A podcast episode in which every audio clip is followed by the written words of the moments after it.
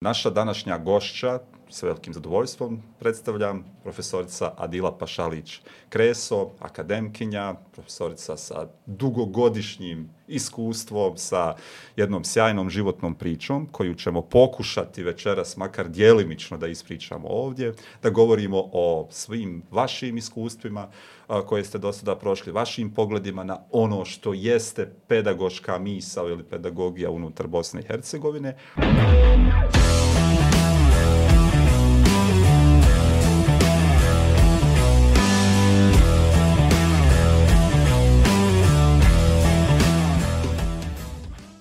Dobroveče, evo, dobrodošli u četvrtu epizodu pete sezone Besjeda o obrazovanju, odnosno četvrtu epizodu od kako se gledamo na Kliksu i zahvaljujemo našim a, partnerima sa, sa portala kliks.ba gdje se ovi razgovori o obrazovanju mogu vidjeti i nešto malo šire nego je to bilo u naše prethodne četiri epizode kada smo imali puno buži krug ljudi koji se zanimalo isključivo obrazovanje. Tematski mi se ne mijenjamo ništa i dalje ćemo razgovarati o obrazovanju, ali se nadamo da ćemo i da smo već dobili čitav niz novih gledateljica i gledatelja, ali slušateljica i slušatelja, ukoliko nas slušate na svim ovim audio formatima za, za audio podcaste i hvala vam na tome. Ono što vas mi evo molimo jeste da primijetili smo da je mnogo već veći broj vas koji nas gledate, a da još uvijek niste subscribe-ali, kako se to danas kaže, ili se prijavili za ovu našu strancu, da vam stižu sve naše novosti. Ukoliko vam to ne bi bilo teško, nam bi a, bilo važno i značilo bi nam i danas, jel, potpišete ili da lajkate našu stranicu, da, da dobijate, dobijate nove obavijesti. Uh, u ovom uvodnom dijelu, kao što vidite, nema kolege voditelja, suvoditelja Nedima Krajišnika. Nadam se već od narednog izdanja će biti ovdje sa vama. I da, zahvaljujemo se našim partnerima Logosoftu koji e, podržavaju ozbiljne, dobre stvari u samom obrazovanju. Interesu im je da ono što jesu kvalitetni razgovori o obrazovanju zapravo budu jeli, podržani, potpomognuti i evo mi na tome a, još jednom im se zahvaljujemo. Ono sa čime bismo krenuli, čime bismo počeli, da ste vi zapravo jedina osoba koja je još uvijek e, živa, odnosno prvih sedam diplomanata ocijeka za pedagogiju univerziteta, univerziteta u Sarajevu, što dovoljno govori evo koliko već ste unutar samog, samog obrazovanja, rekao bih, i u Bosni i Hercegovini, a i šire. Još jednom veliko vam hvala što ste ovdje sa nama i što ćete govoriti u našem podcastu i posebno je zadovoljstvo evo ovaj razgovor voditi, voditi sa vama. Hvala lijepo, dobro večer i vama i e, -hmm. nadam se da ovaj razgovor može biti koristan ili zanimljiv -hmm. za vaše slušatelje i pratioce jel, ovoga, -hmm. ove besjede.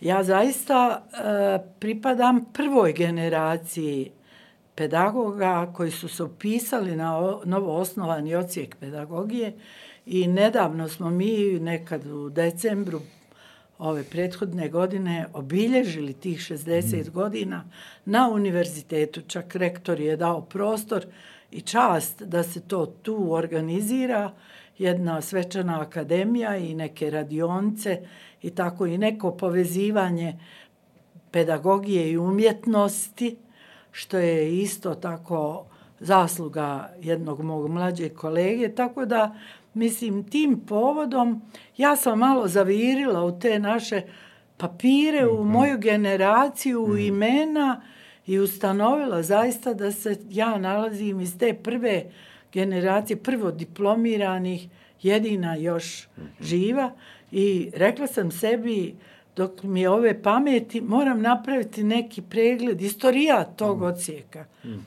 60 godina nije malo. No, tako je ali to je to znači da oni prva generacija se pomalo gubi jer godine su velike treba iskoristiti to vrijeme da se nešto zabilježi evo to sam sebi dala u zadatak da nekako i po kako se kaže, ono, saberem mm -hmm. i one sve svoje aktivnosti. One se nalaze u biografijama, ali vi uvijek to nešto zalakirate, predstavite samo ono što Kao je najvažnije. Kao neka informacija, jeste. I onda nije to to. Ja bih htjela stvarno da prikupim i neke dokumente, prvi nastavni program, fotografije mm. e, profesora, fotografije knjiga prvih koje smo mi ovdje izdavali i tako dalje. Eto, A- to je neko moje...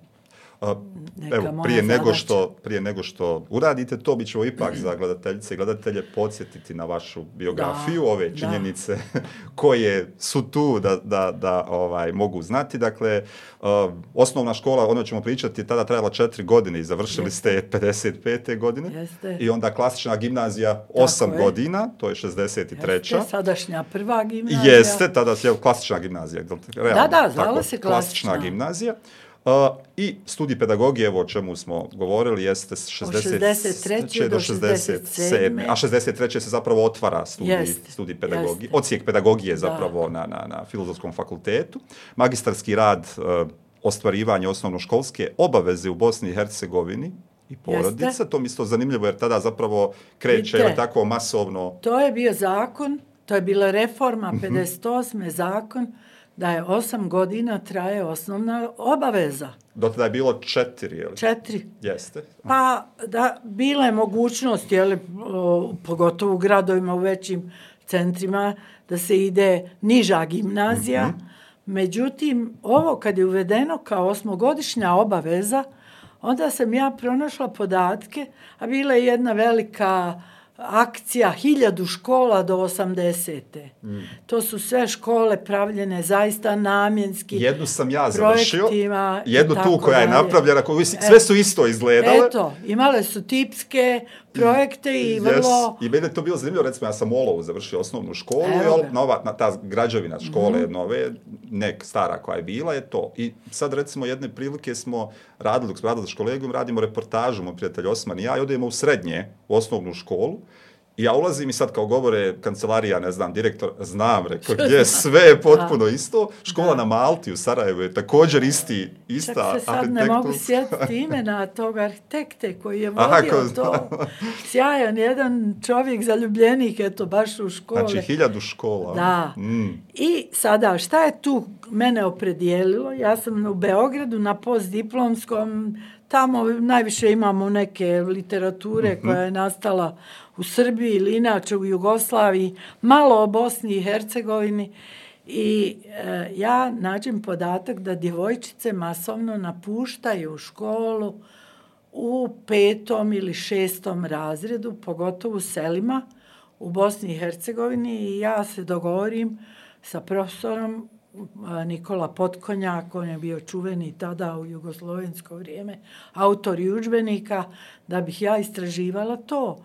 I on kaže, to je sjajno za ravnopravnost za koju se borimo, od koje se od Avnoja iz Avnobiha borilo za ravnopravnost muškaraca i žena. I ja sam vrlo metodološki to provela.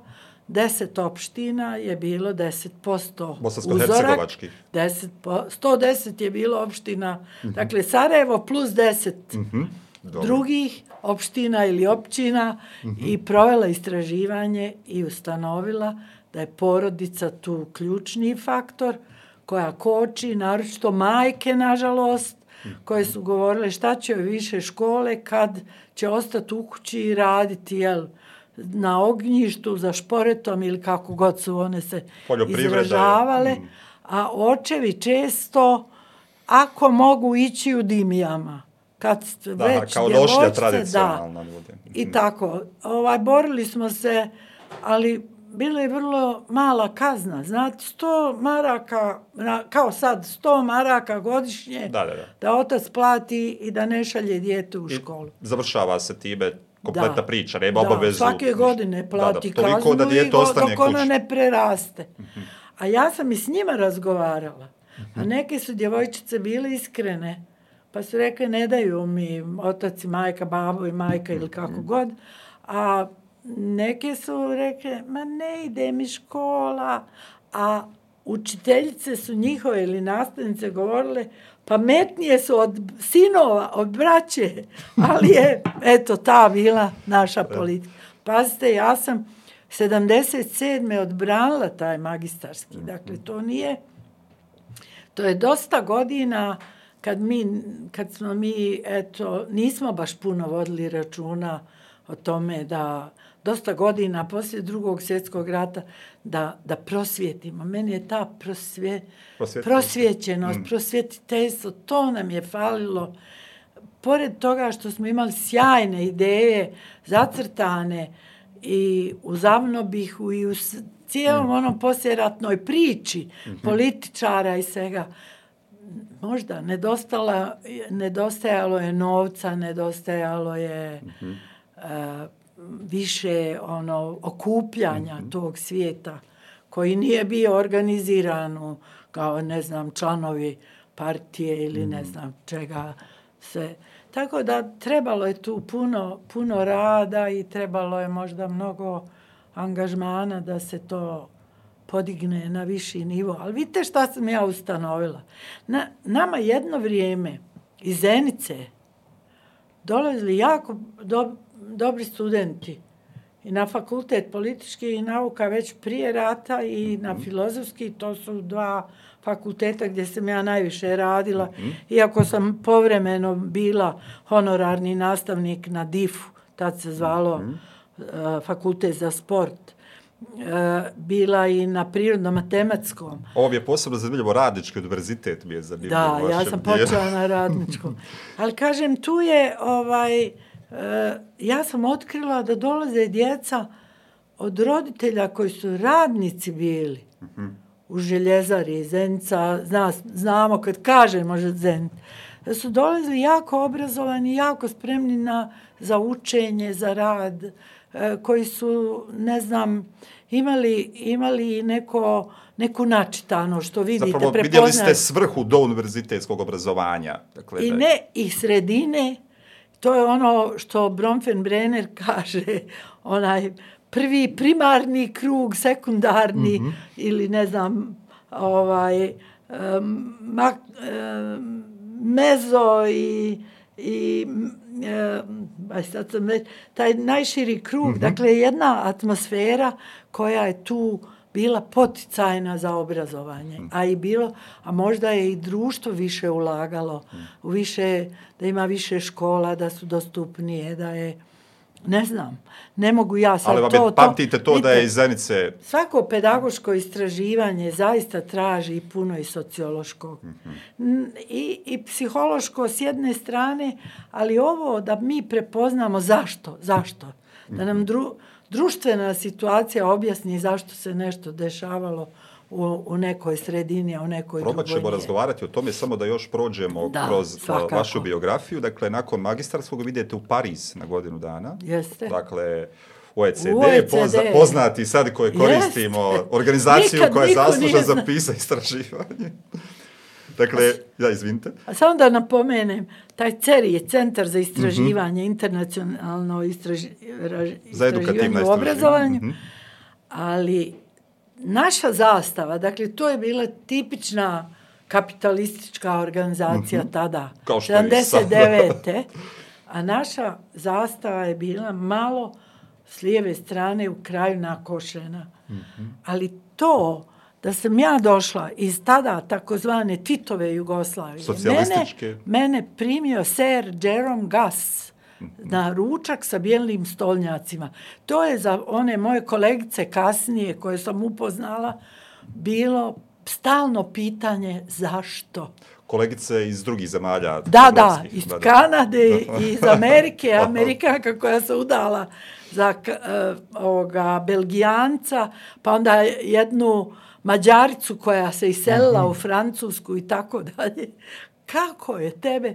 Ja kažem, ne znam, pitajte njega. Ali mene je pitao šta ću ja tu da istražujem. Šta je moj afinitet, šta želim. Rekao sam, porodica, porod, -huh. porodica najviše može podstaći uh, obrazovanje djeteta ili, spriječa, ili mu štetiti.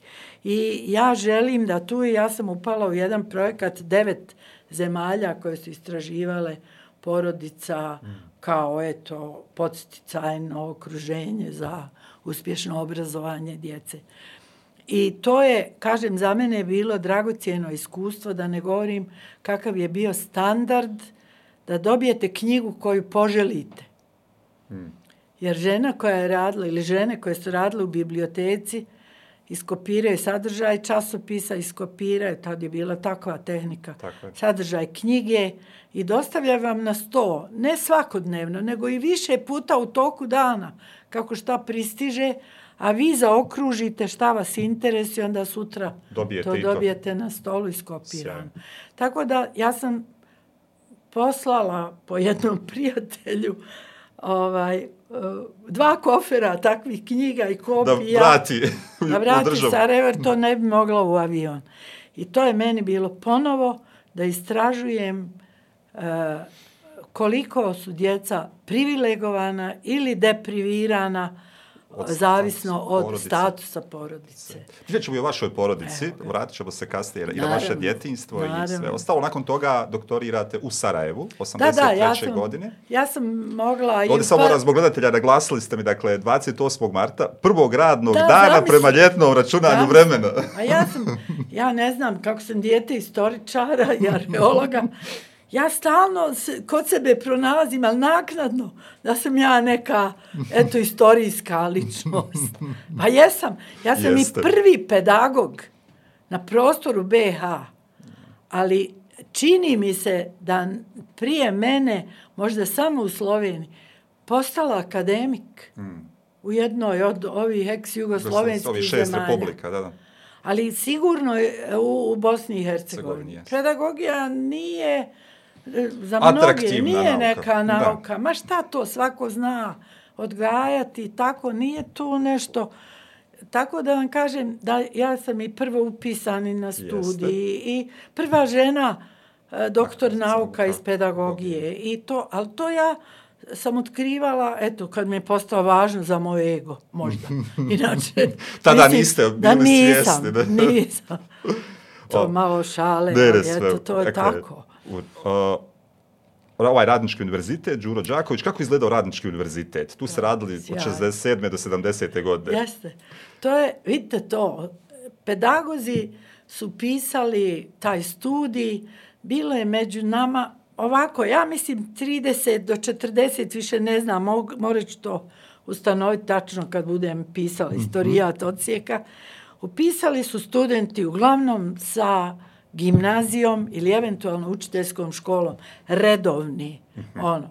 Ali je bilo još toliko vanrednih učitelja. Koji su već radili. Ima 4-5 godina i tako. Neki su išli i redovno, ako su mogli im supruge priušti da ih podrže.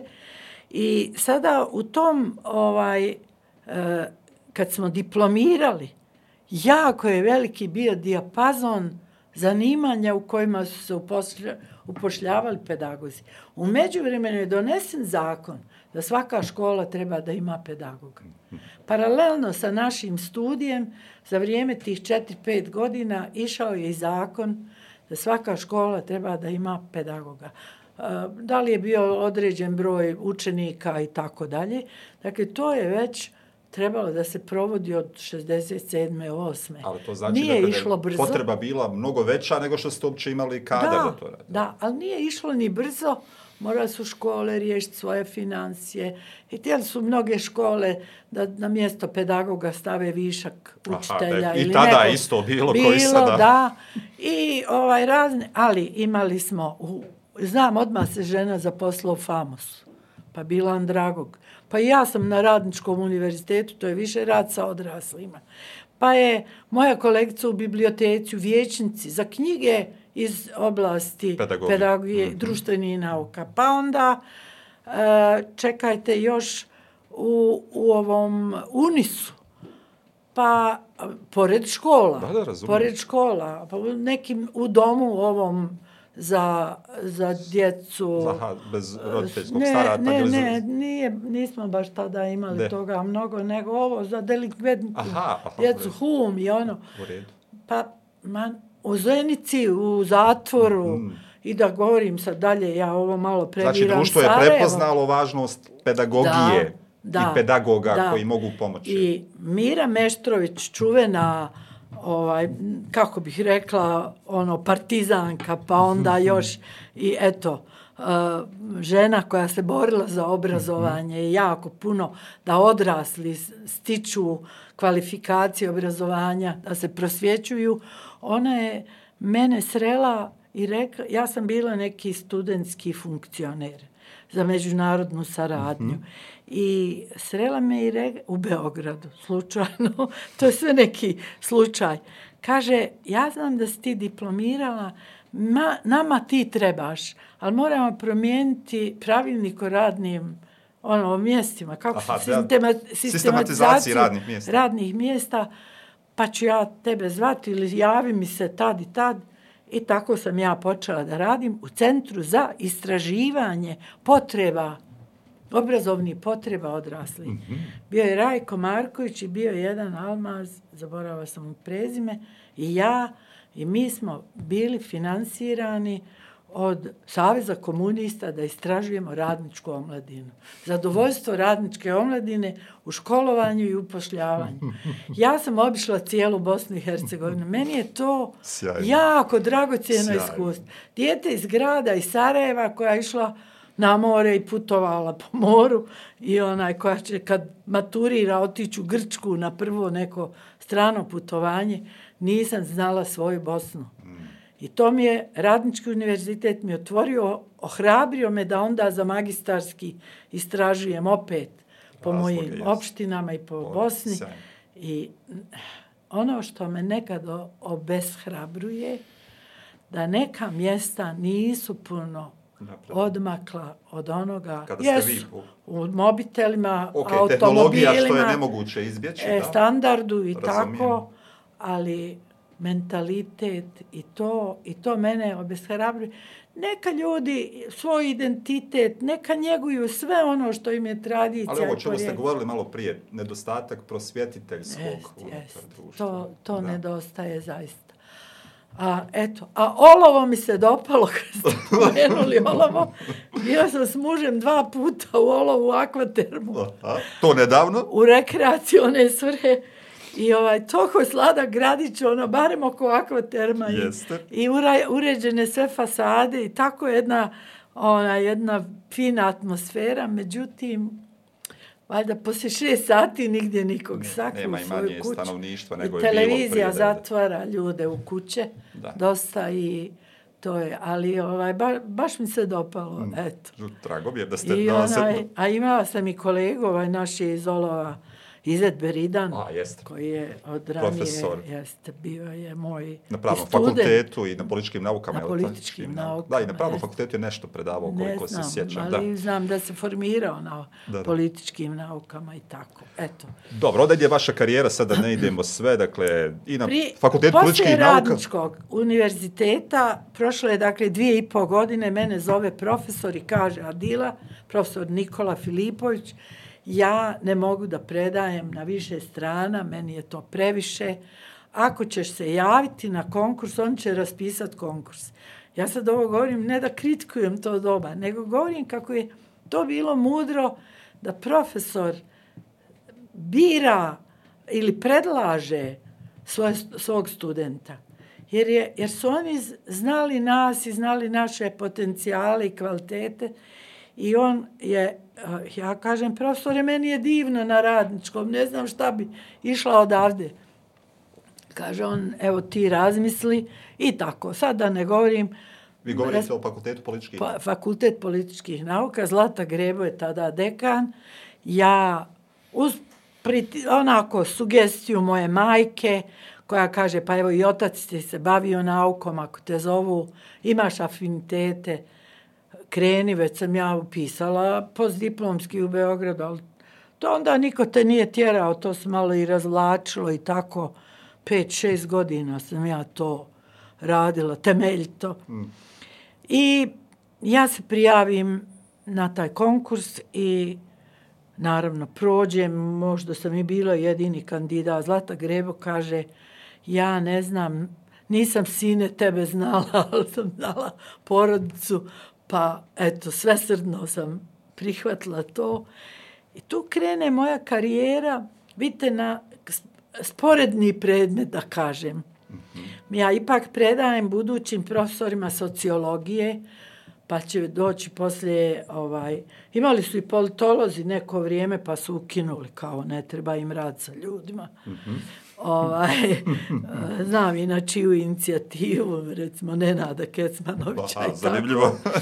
ovaj, onda je, eh, onda je trebalo i eh, na socijalnom radu, preuvedena opšte narodna odbrana, taj studij, pa smo tu trebali, tako da ja sam u okviru tog nazovi sporednog predmeta, kao i moja kolegica Nada Ler Sofronić, koja je mm -hmm. psiholog e, i socijalnu psihologiju predavala, mi smo bili često uključene u razna istraživanja koje je vršio Fakultet političkih nauka u okviru svog centra za društvene istraživanja. To je za mene bilo sjajno iskustvo to je neprocijenjivo mm. nešto što nema filozofski fakultet, nema ni danas, danas. nažalost.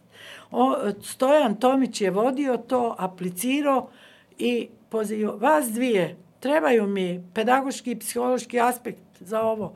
Ovo treba ovde, ovo, on je okupljao, on je znao organizirati ljude i ja sam bila jako zadovoljna i naučila da kažem tu osnovnu metodologiju o, za društvena istraživanja. I ovaj ja sam na neki način se osjećala privilegovanom prosto na tom fakultetu, nikako kao sporedan predmet, nikako kao nešto što nije ono, ne znam. Evo, način koji vi govorite, ja kad vas slušam, ja vam zavidim na da, tome. Da, zaista. Ja, ja kažem uvijek da sam bila posebno sretna u tome. Neko bi rekao, pa šta, fakultet političkih nauka, pa do juče bila visoka škola, pa ne... E, I dan danas ja, ja se divim i nekim ljudima i atmosferi koju ti ljudi grade na fakultetu političkih, političkih nauka. Da. Ja sam puno učinila poslije rata na, da filozofski fakultet, govorit ćemo o tome, hmm. ako bude vremena, želim Hoćemo. da govorim, učinila da takvu neku atmosferu stvorim na filozofskom fakultetu. To ne, teško ide. Tež, filozofski fakultet nema neku nit, poveznicu. Kada vi, evo da zagledatelji, kada vi prelazite na filozofski fakultet? Ja odlazim 89. sa mojim suprugom u Teheran. Mm -hmm. Dakle, to je odluka savjeta fakulteta da ću pratiti supruga četiri godine za, eh, on eh, dobiva mjesto direktora predstavništva Energoinvesta. Ja se naravno bunim, ja ne želim da idem, jer ovaj, ja šta ću tamo u no, toj zemlji mm, naučiti kako ću profitirati tako. Brat Kosova, sadašnji direktor Energoinvesta, kaže ovako, Adila, istražuj tamo žene, evo tebe to interes, žene, porodica, hajde malo, daćemo sve papire da se uključiš na univerzitet. Zašto su vam našli zemlju, gdje ćete da radite? Ali, boga mi, vidite, evo, treba to otkrivati mm. samo. Treba otkriti šta je ispod marame. Mm, mm. Ja to govorim, nije marama problem. Meni nije bila. Ali ja sam provela i tamo mm. četiri Ne, mi smo ostali zbog rata šest godina. Moj muž i više, šest i pol godina.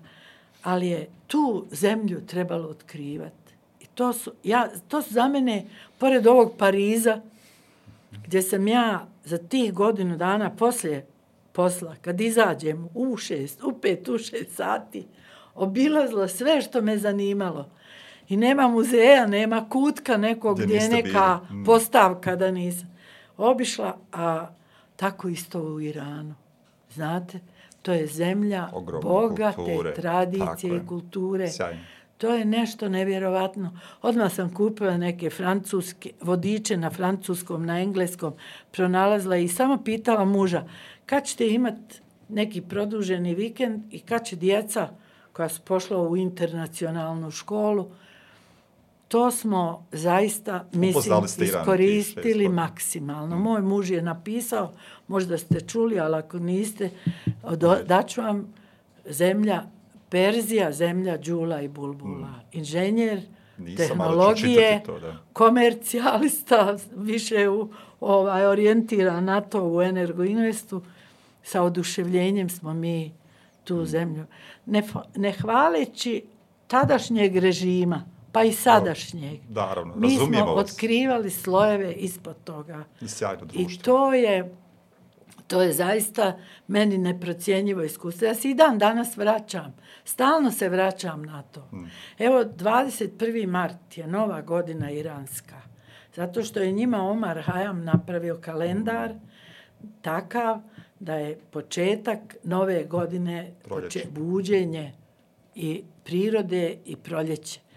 I to su rituali posebni, to je posebna priča. Ovaj, možemo se vratiti na to, ali ako počnem ja pričati o Iranu, o, završit ćemo ovaj razgovor Zabor- samo... Zaboravit ćemo na filozofski fakultet. A da vam kažem da mi jedna stara profesorica, puno sam se sretala tamo i na univerzitetu i sve, naravno morala sam biti jako upakovana ako, Po propisima, kako? ako tamo predajem i razgovaram, što me nije godilo baš uvijek i onda sam, ovaj, naravno nosila sam ja maramu i neki mantil, ali sad još i preko toga čador i to je bilo malo previše. Ja sam ponudila profesoru da neki studenti koji žele dolaze kod mene kući na razgovor, neobavezan. Mhm. Ako ne misli da ću ih ja indoktrinirat, ja ću s njima samo razgovarat logički. Ustanovili ste to, a jeste li mogli i ovo? Profesorice, i to vam je mudro i to je A i to je subverzija. bilo, da. subverzija I to je bilo da su nekad rekli, propituje. Jednom jedna studentica rekla, ne smijemo mi ni tu logiku. Ali dragi su bili i meni je bilo drag taj susret sa mladima i saradnja i tako da ovaj, ja sam tu imala... Vi ste ra- sebi namjestili da vam bude kao da ste ovdje. da opet radite sa studentima. Srela sam i ambasador, indijsku ambasadoricu, koja, oni su bili muslimani, ona je bila profesorca engleske književnosti. Ona se odmah uhvatila za mene. Hajde, Adila, da napravimo jedan skup žena. Ima 500 500 hiljada indijaca u Teheranu samom, koji je tada imao 15-16 Miliona. hiljada, 15-16 miliona. I, I mi napravimo skup budućnost žena u Aziji. I ovako 90 ja, i neke. ja učestvujem u tome i, i to je, i ja to prihvatim. Drugo, kanadžanka, slikarka, ona kaže, dolazi Adila, kod tebe je rat, moraš dolaziti kod mene. Ja sam puno kao radila u onim institutima gdje je rehabilitacija uz pomoć umjetnosti i slikarstva. Pa i tu budem neki dobar njen učenik i tako, ali vi sami morate kreirati svoj život. Moram reći da sam ja tri mjeseca plakala. Kada ste došli? sam se našla. Djeca u školu odmah, muž na posao, težak posao. Mislim, treba on upoznat sve te institucije i sve to. Naravno, predstavništvo je prije njega već postojalo, ja mislim, skoro 20 godina. Tito i Šah su to davno Dogovorili. dogovorili. I nije on krenuo od nule. Oni su bili i ugledni, ali ima poteškoća uvijek da naplatite neke poslove, da pošaljete u zemlju. Da... I ovaj, kažem, oni svi uz- da su sa svojim poslom ja kod kuće Sami. sam u kućerini nekoj uvijek neke oni tako da kažem ali ali slučajno u prodavnici nekom granapu na kraju moje ulice obrati mi se jedna kanadžanka i mi počnemo priču i ona meni da napiše mi u susjednoj ulici stanuje dođi sutra na coffee morning i tako krene Da. poznate ovoga, pa onoga, pa, pa neki, pa prijemi, pa malo pomalo. I svugdje su njihove gazde i gazdarce, Iranci, još Iranke uključeni. I onda mi tako stvorimo jedan ogroman krug i stranaca i domaćih koji su nam otvorili, kažem, sasvim jedan drugi vidik. Sad kad neko kaže idem u turizam u Iran, doći kod nas da malo otvorimo još sve. oči. I vraćate se E. iz Irana na filozofski fakultet. Vraćamo se kad je Energoinvest rekao 15. jula 96. molimo da se vratite i preuzmete svoj posao. Ja dođem i kroz 10 dana sretnem kolegu s fakulteta i on kaže Adila, raspisan je konkurs enoga u oslobođenju 25 nekih profesorskih mjesta nam treba, molim te, prijavi se i tako. Opet vas hoće historija i tako. Ja odem, da, ja odem na političke nauke da uzmem svoje papire. Jer sam, nosila sam ja kopiju diplome i Da, da. doktorata i tako. Ali moji svi papir, moj dosije je tamo. S, na, nažalost, naletim, eto, na tadašnjeg dekana ili aj, da li je bio u toj funkciji. Adila, izvini, ali ti si pobjegulja, mi nemamo ništa s tobom. Ja kažem, ja sam otišla odlukom savjeta, fakulteta, tako i tako, u supruga Energoinvest je tražio da se nijedan predstavnik ne pomjera sa svog mjesta. I zaista je taj energoinvestovski patriotizam u ratu bio veći nego i u jednoj drugoj firmi što su oni ustanovili ovaj posmatrić jel kako je propao Šipad, kako su neke Koje su također imale Da, predstavništva. Da. Mm. I ja kažem, ovaj, hvala, ja sam došla po moje papire, pa ako ne primate pobjegulje, ja, ja idem Svakako dalje. bježim na drugi Da. fakultet. Ali zaista mi je bilo jako teško. Mogu- Možda mogu bi misliti. doživjela Mogu infarkt da mi se da. tako nešto kaže, a da nemam, da sam ostala ono ni na nebu, ni Niste na zemlji. ni naslučivali, ni očekivali da Ne, će vam tako ne. nešto reći. da. Zato što sam ja zaista legalno otišla Da, i to dvije i po godine prije nego što će zvanično biti rat. Da, da. I, I onda ja tamo se prijavim i naravno kad je to sva procedura prošla, isti je univerzitet, ja sam otišla u zvanju vanredne profesorce i sa objavljenom knjigom. I e, onda su me zvali da predajem jer nisu ni imali koga za pedagogiju, da ponovo. I ja neću, a moj muž kaže, Adila, shvatila si, ničija nije do vijeka, nije do zore, a nije ni Niti je njegov... to privatni fakultet. Ili nije ni njegov fakultet. Tako je. Idi radi studenta, idi uvijek si željela mlade da obrazuješ i tako. I onda je tako. Onda je prispio Haris Cerić, moj Mhm, znamo sada Harisa, već da, dragi mladi kolega, koji je ovaj neko vrijeme uz mene asistirao, a onda je on preuzeo i tako. Da ja sam ponosna. Da. Da je on, kao što sam ponosna na mnoge profesore fakulteta političkih nauka koji su bili moji studenti. I Nerzuk i, i, i Mirko Pejanović uspio je onu zadnju godinu njegovog studija da sam ja bila došla već kao asistent. Sad vaš kolega na I- akademiji. Jel Da, Mirko? pa da, pa mi to uvijek pričamo, a da kažem i mnogi drugi koji su, evo i, i ovaj Izet Beridan i ne mogu ja sada da nabrajam, otišli su i u penziju, ali bili su mnogi prošli, barem kod mene, proučili ono što im je bila literatura i polagali i, i završili. Eto, i Nijaz Musabegović jednom je rekao, ja sam Adila kod tebe bio de, dobio desetku iz metodike, a sa mnom je sjedio Mujo Slatina u kabinetu i imao je osmicu iz metodike. Znači, ovo je I pro- pio- profesor Buja Slatina kasnije. A bavi pedagog. mislim, on je pravi pedagog školovan. A onda kaže, pio sam mu krv malo oko toga. Ajde, ali to su one, mi smo se jako pazili i, i poštovali, voljeli kao drugari, tako da ovaj, nema tu zamjerki, ali to je, to je moje. I sad ja dolazim na filozofski fakultet. Ja dolazim, a, nema ko da predaje komparativnu pedagogiju. Taj moj doktorat, tada su profesori na odbrani doktorata te istorijskog data, dana, jer nisam znala hoću li doći u deset po starom vremenu ili u deset po novom. Pa to je. Pa ste došli Zaista nismo znali. Mislim, znali smo, ali ono, nije, nije Niste to bili bilo sigurni, tako. ono, da. I ovaj, rekli su, ovo je čista komparativna, ovo je sjajno, jer sam ja istraživala i Francusku, i Britaniju, nordijske zemlje, istočnu i zapadnu Njemačku. I ustanovila zaista tada da su djeca u ovim socijalističkim sistemima u većoj prednosti.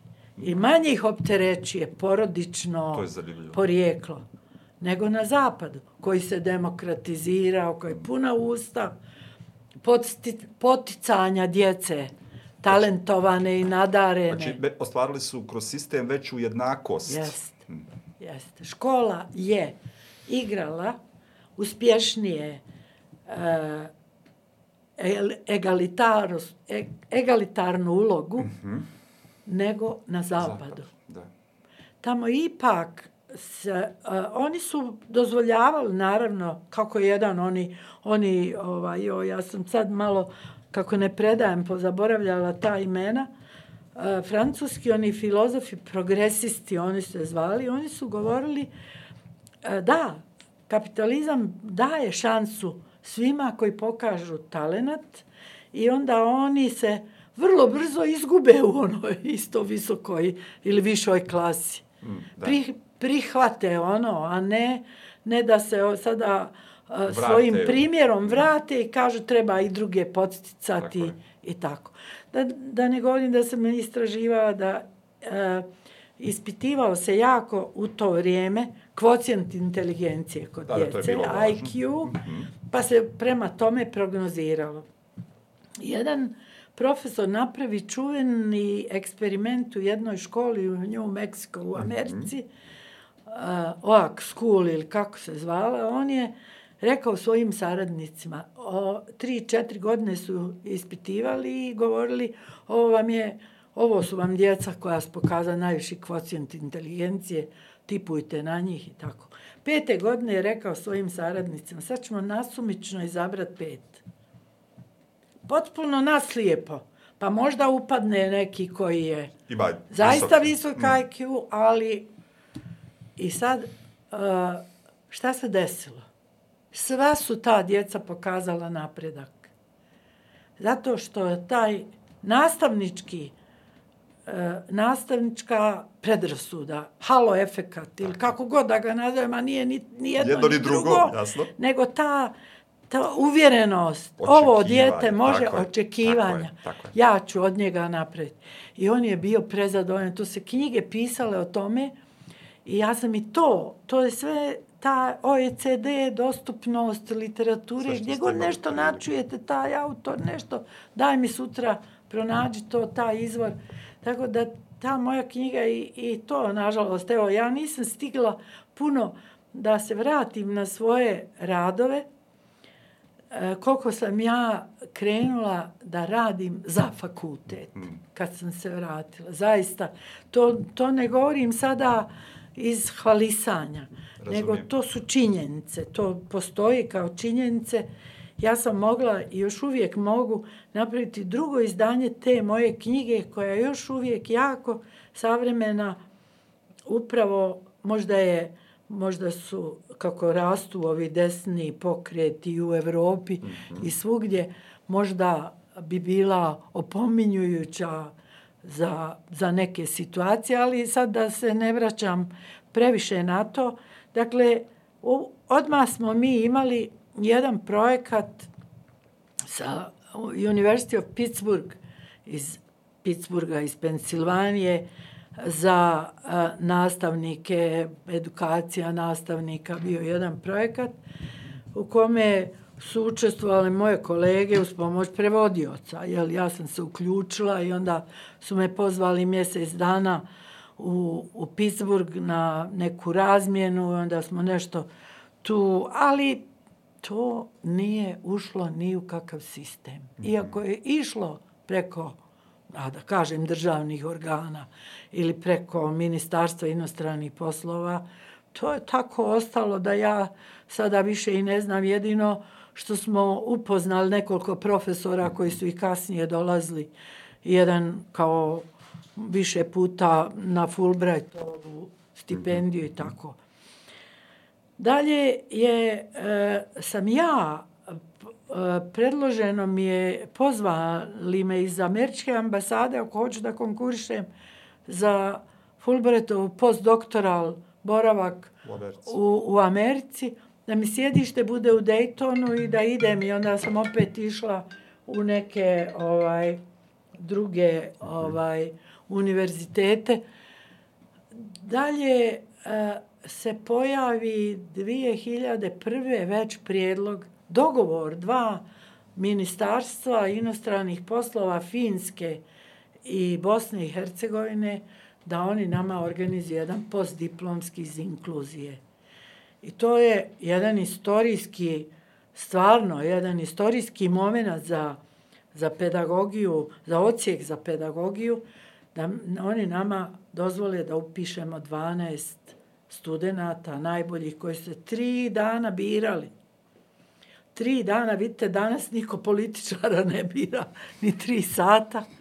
Tri dana oni su polagali engleski jezik, polagali, da, dobili su e, sedam tekstova naših, uglavnom na našem jeziku, a možda su dva bila i na engleskom, -hmm. da pročitaju, da će dobiti tri teme da mogu da pišu. Da pišu i da pišu rad koji će se ocijeniti i treći dan da rade u malim grupama, donose odluke i da ih oni... Koliko ste imali kandidata, kandidatkinja, ako ste 12 pa, birali? Imali smo možda do 20-ak. Dobro.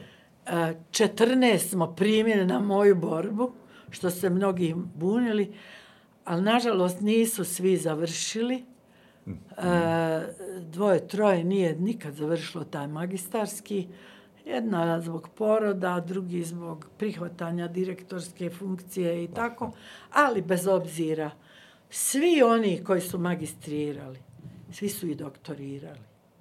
Mi smo dobili jednu inekciju kadrovsku, jednu, jednu veliku kadrovsku inekciju u ljudima I to upravo su... u državi koja tada Na, postaje, za najbolje... koja tada baš upravo sa prvom PISA, prvim PISA istraživanjem je da, bila naj, najbolja. najbolja da. Oni su dobili od Evropske unije sredstva. Pazite ovo, oni daju za taj postdiplomski fakultet, mislim sad, ali blizu toga, 300.000 maraka. Mm -hmm. A mi smo naplaćivali postdiplomski 2000 maraka, ukupno košta mm. studenta od upisa do... Da, da, da, da, da. I možda nešto za odbranu. I sad, ovaj, e, to će se nabaviti kompjut, jedan računarski, jedan, e, jedno odjelenje mm -hmm. će popuniti računarima, dvadesetak računara, nabavit će u dvije vitrine svu moguću najnoviju literaturu na engleskom i, i sa ovog našeg područja. Obezbijet će mjesec dana boravka svim postdiplomcima u Finskoj. E, Biće im sve plaćeno, dobit će dvojne diplome, bosansku i finsku, odnosno evropsku i tako dalje. I, I od toga je, ja mislim, fakultet profitirao barem, barem nek, neki peti, petinu da, toga da, da. da, da obnovi jednu ono našu salu za sjednice i tako. Eto, ako ja smijem da o tome govorim, smijem. Ja sam, sam, ja sam saučesnik svega toga potpisivala i učestvovala i znala da je bilo tu i pomoć, šta će nama o inkluziji kad mi a treba nadarenu da podstičem, a inkluzija kasnije ćemo naučiti proće godine i godine, jel podrazumijeva i nadarene i, i talentovane i one one istraživački nemirne i nestrpljive. Dakle, okruženje koje svakome yeah. pruža yeah. da se osjeća ugodno, da može yes. da napreduje yes. onom što jest. Ja bih sad I... mislim da tri neke stvari u kojima bih ja sad s vama usmjeravao ovaj da, potpuni, potpuni da. razgovor, jer smo preskočili od meni važan dio, vraćamo se na vaše rano od djetinstvo, koje je isto jako zanimljivo. ovaj, o tome ste govorili da niste, niste o tome pričali. Ali, evo, dakle, razvijali ste, imamo u, u to... razgovoru je planirano dakle, da mi se generalno bavimo ocijekom za pedagogiju i filozofskim fakultetom, odnosno generalno fakultetima koji zapravo na neki način oblikuju obrazovanje kao tako da. i ta odgovornost, da. odnosno neodgovornost koja u čitavom ovom uh, od 95. periodu ono kako je funkcionirala, puno znate o tome i prošli ste evo kao što govorite sve, ali sad bi se samo još da se uh, vratimo na, na dvije stvari. Jedna je, evo, ovo, dakle, svoju ste i karijeru profesorice završili, otišli ste u penziju i sada ste predsjednica odbora za pedagoške nauke, odjeljenja da. društvenih nauka Akademije nauka umjetnosti Bosne i Hercegovine i time ćemo se na kraju baviti ovim razgovorom mm. u smislu kad budemo govorili o tome šta jeste Akademija. No ovo bilo neki dan kada smo razgovarali, bilo mi je jako zanimljivo kada ste govorili ovo, o svom odrastanju, ili 44. godina kada ste rođeni još uvijek u Sarajevu. I u onome što je bilo tada, dakle da ste, ne znam, da su vam pričali, jel, da ste a, zbog aktivnosti vašeg oca u, u ovom da. pokretu, dakle, Esada da. Pašalića, a, dakle, i a, Perića, Valtera, dakle, još jedne osobe, čini mi se koji su činili Čeliju, dakle, da ste imali nekakva jel, privilegiju ili sreću, bilo šta drugo da u vašim kolicima, ne znam se, voze leci, da, da, ne, budete ma- dio kao porodica. Ne, da je majka dežurala sa mnom u kolicima, Da, ispred kuće, dok se tamo održavao sastanak te Da, da. trojke ili grupice koja je sarađivala uz Valtera u pokretu otpora i koja je, ja ne znam, bilo je, nije bilo mobitela, nije bilo načina drugog nego da, da štipne dijete pa da se rasplače pa da se gore čuje. Upozorava se. Jeli, i tako. Mislim, zaista, ja sam odrasla u toj jednoj ulici koja je sada ona glavna ulica za Uspinjaču. Da, ona se zove Avdage Šahina. A, Avdage Šahinagića, tada je bila Dimitrije Tucovića, dakle, eto isto jednog prosvjetitelja, i koja je bila jedna primjer jedne sarajevske, rekla bi, multikulturalne ulice. Ulica koja je imala nekoliko kuća bogatih, da kažem, Sarajlija muslimana, bogatih jevreja, e, Srba, koja je bila ovaj imala i neke dvije, tri zgrade zajedničkih stanova, gdje su recimo došli Romi, Cigani, Mađarski, oni su se tako i imenovali, da ojačaju našu filharmoniju uh, i oni koji su u baletu, u horu igrali. Dakle, i, i bilo je bila jedna funkcionerska kuća, tada Blažo Đuričić bio je neki funkcioner, ja neću sad znam tačno, pa da i moj otac je počeo da radi uz Rodoljuba Čolakovića u prvom ministarstvu obrazovanja, o, u ministarstvu prosvjete, tako se zvalo, ali on je tek, eh, on je do 51. radio, a onda je prešao na univerzitet. Dakle, ja sam imala jedno djetinstvo koje je bilo zaista puno tih interkulturalnih susretanja. Mi smo male Mađare učili naš jezik, a učili i mi nešto što oni kažu. A oni su nas učili psovke kao i mi njih. Nažalost, to je bilo tako. To djeca valjda ci- cijelog svijeta Zanimljivo im je da rade to nauče, da. onda smo ovaj išli jedni drugima ako ili smo, ili smo dijelili slatkiše dobivene za Božić, za Uskrs, za Bajram, uh, učili o svemu tome, ali kad bi mi pitali naše roditelje koji su oni su duboko vjerovali u onaj sistem, bili su tako ovaj svo, u svom obrazovanju, u svom uvjerenju predati tome da gradimo ravnopravno zajedništvo, obrazovanje za svakoga i tako da smo mi kad bi pitali kad će nama Bajram ili kad će nama Uskrs, onda je tata rekao za prvi maj. I, I tako, i stvarno bi za prvi maj dobili i nove cipele i nove haljine da se uredimo. Ali to je sad sve malo i humoristično osvrtanje na to. Nemam više roditelja, jel, moja majka je dugo poživjela, ali eto, nema ni nje od 2010.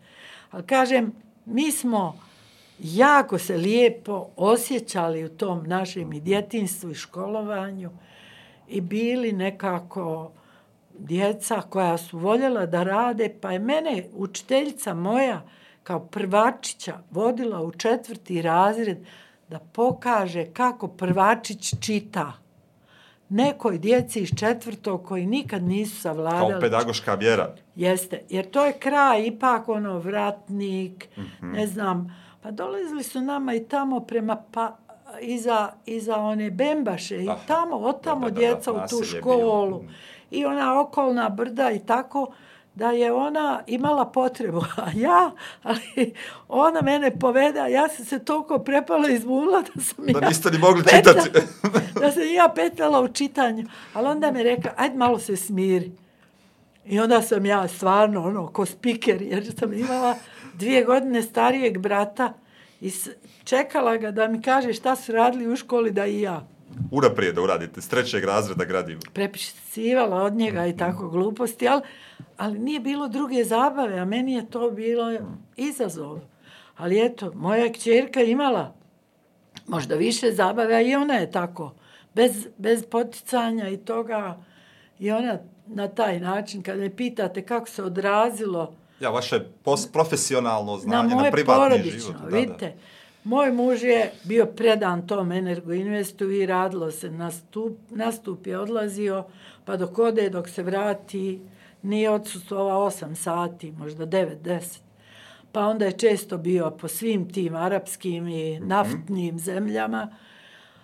A ja sam bila s djecom u kući u svaku pomoć moje majke, sestre i neke žene koje bi imali. Ja sam puno radila od kuće i kod kuće. Tako, nismo imali kabineta, nismo imali dovoljno prostora i to je... I na jednom kraju je moja pisača mašina i knjige, a na drugom kraju moja kćerka sjedne i piše i pita ko je ovo sove. Ona nije znala govorit, a naučila je slova. Da. I ona je, kad je moj svekar, kad mu je ona pročitala oslobođenje, on je rekao, a imala je malo više od dvije i pol godine. On kaže, a Dila, ti eksperimentišeš s ovim djetetom, šta će biti od nje? A ja kažem, ne, ja joj samo zadovoljim želju da me pusti na miru, njen interes. Jer ja radim i samo kažem š ili g. A ona je... Zapamtila je kako izgleda oblik. Je sad. Ovo je humoristično. Moj sin je šest i po godina stariji, jer je ta razlika napravljena zbog Pariza. Aha. I ona je a ona sada zna slova. A on je već dobio engleski u četvrtom osnovne. I meni kaže jedan dan, ja dođem u sobu da vidim, on piše zadaću. Ona sjedi na krevetu i drži neku knjigu. Kaže, mama, nećeš vjerovat, mala je jako upotrebljiva za moje engleski. Upravo ovako. Kažem ja, kako? Ona meni čita ono, t, e, question, question, ili kako, ono izvorno na engle, a on piše. Aha, znači da može da ne, či, ne gleda, nego mu diktira. Ne, ne mora da gleda. I ja, to je, to sam ja prepričavala, zaista to, ali kako su oni to kreativno... Samo organizirali se. Ona je, kaže, upotrebila. Jer ona je njemu išla na živce dugo, mala, puže, petlja se, dira mu stvari. Sve jednom mu je ovako pošarala zadaću, pa mm. sam ja morala da zna učiteljica da imamo malu bebu, nećeš prepisivati, odnijećeš joj ovako, korektno je urađeno. Zanemarit će ona te crte. I tako, bilo je, bilo je raznih situacija, ali zaista uh, oni su ovako išli u Sarajevu, školovali se Hasan Kikić škola mm -hmm, i sin počeo treću gimnaziju bili u Teheranu, Teheran International School, koja je poslije revolucije i Homeinija uklonili sve strane nastavnike i bili su uglavnom Domaći. njihovi koji se školovali vani, podijeljena na žensku i mušku okay. i tako. A, priče neke, je li kvalitetna, nije li kvalitetna, ali moja kćerka je bila od prve godine najbolja od svih djevojčica, 25, šest njih u razredu, ja kažem, pete godine, dakle, ona je provela to šest i po godina, kažem ja neke pete godine, daj molim te popusti nekoga da bude. Kaže ona meni ovako, a što mama kad ja znam da sam ja najbolja? Pošteno. Sad, ja sam se uvijek plašila te pretjerane samouvjerenosti, a sin kaže ovako, bio u Sarajevu, bio u Teheranu, došao u Ameriku, u Selendru jednu, da završim razred pred rat. Mi smo ga poslali preko neke agencije mm -hmm. beogradske i preko nekih tamo beogradskih prijatelja, nazovi prijatelja koji će nam poslije postati neprijatelji u Teheranu. Ovaj, zapadne ga uh, ona, kako se zove, farma, u sred Michigana. Dolazi autobus po njega, ide u školu, sabirnu školu, koje dolaze cure u gumenim čizmama. I tako, mislim, ono, seoska djeca. sve, da, apsolutno. I on isto nesretan, plače, nemate vi besplatni telefon, ja vrtim ona iz Irana u Ameriku, da držim kontakt sa djetetom i tako. Ali dobije on dvije medalje na takmičenju iz, iz matematike i iz fizike. I prime ga na sedam nekih fakulteta. Ali ono da bere Michigan Tech, ima skijaški teren, dijete iz eh, Zoji, 84. i tako. I kažem, on on kaže, sve to što sam prošao je veliko iskustvo za mene. Isto. I Sarajevo, i Teheran, i, i, i farma, i posle univerzitet, i on položi da bude onaj spasilac na skijanju. Pa onda ima besplatno mm -hmm. kartu i opremu. Ali kaže, samo porodica. Mm.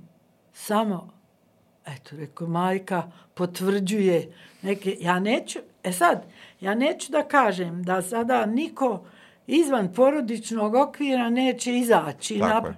Ja naprotiv, govoreći da je porodica jako važna, treba na njoj Radi. rad, treba raditi sa roditeljima. I ovo što se nama dešava, i ova ubistva, i ova, ova, ovi svi užasi potiču od onoga kako roditelji gledaju na stvari, kako prokomentariš. Ja gledam moji unucima, kad god šta spomeneš, upijaju.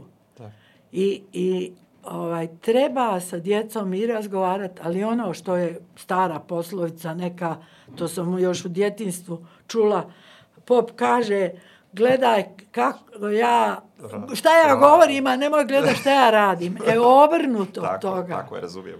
Mi smo primjer, odgojni primjer, a nije ono što možeš ti usput je dobro i da se govori i da se objašnjava. Ali nije dovoljno. Treba. Ali nije dovoljno. Ali ne može, ne može dijete da usvoji oblike ponašanja koje mu... Uh, ako, Verbalno prenese. Ne. Ili bra, zabranjivanje. Da, da, da, ne, mi imamo roditelje koji brane, a nikad ne kažu kako treba.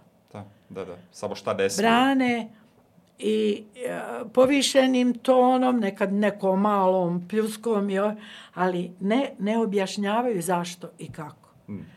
I ja sada vidim, i moji unuci su osam i pol godina, a njih svašta interesi, oni su posebna priča. I oni su taj rezultat pedagoški. Oni su napravili svoj mali olimpijski muzej na Jahorini u Podrumu.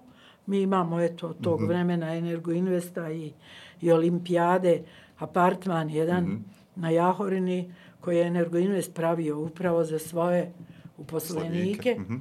I oni su tu napravili mali muzej i sad su oni sad je ono, na putu da postane neke zvijezde ove uh, srpske televizije jer oni nemaju ništa pa su oni posudili dio iz njihove zbirke a oni su to skupljali uz pomoć dede i njegovih kolega iz Energoinvesta i tako. I sad kažem, to, to su sve neke situacije, ali djeca vam zaista, djeca su odraz roditelja, roditeljskog pričanja, roditeljskih pogleda na svijet i svega onoga. Bronfenbrenner kaže, to je prvi primarno, primarno okruženje gdje se zaista sada pomjera to već na, na tri godine, ja bih rekla. Što im što prihvate s tri godine, poslije još samo malo dograđuješ, jako je teško. Ali se izgradnja ličnosti Da, zapravo počinje s te da, baze da. kao takve. Još Da. samo jednu stvar iz vašeg, preskočili smo i u ovom vašem pregledu, Puno. je ova epizoda koja je meni zanimljiva, pa ćemo se vratiti na sistem i na ove sve druge stvari i traje. Dobro. ovaj, jeste ovaj dio u kojem ste vi nesuđena studentica arheologije i prvo upisana studentica pedagogije. Evo, kako se to desilo? Pa evo, pa, la, pa evo tako, upravo. Roditelj utiče i kad hoće i kad neće. Otac je nas vodio par puta na iskopavanja, u, na Vaš otac je poznati arheolog? Jeste, sa ako ne- svojim kolegama iz Zadra, iz, sa Zadarskog i Zagrebačkog fakulteta i mi smo bili na Ugljanu i na Pagu i sestra i ja, uh, ja jednom i još i više nego ona i onda se nekako meni to toliko dopalo i tako mi je bio zanimljiv studij, ja sam klasičar, uh, bila u, u gimnaziji gdje se učio grčki, latinski i tako obišla. Prva ekskurzija bila u Grčku, tako taj antički period. I onda je, ja sam izrazila želju da to studiram. A moj otac, opet rekla bi kao dobar pedagog, mislim, oba dvoje su bili zaista prosvjetni radnici, ovaj, kaže, evo sjedi, razmisli sebe u postanarskoj sobi ili u studentskom domu, se brineš sama za hranu, sve ono što treba da ti obezbijedi uredan život i onda još moraš biti najbolja, to su moje kolege, to će vagati sve što ti budeš radila, učila, odgovarala.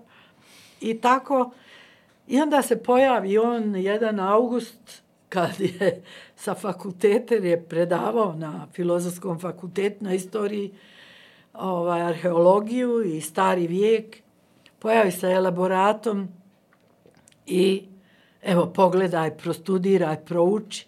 Onda ja to prokomentarišem sa mojih nekoliko kolegica koje smo zajedno maturirale i kažem, evo, hoćemo mi u I naravno, roditelj ko roditelj, pala mu je sa vrata, kako se kaže, velika jedna briga da jedno dijete ne ide negdje drugo, da ostane kod kuće i onda je govorio, završite studij koji ste odabrali, a onda ću vas pomoć da idete gdje god hoćete dalje.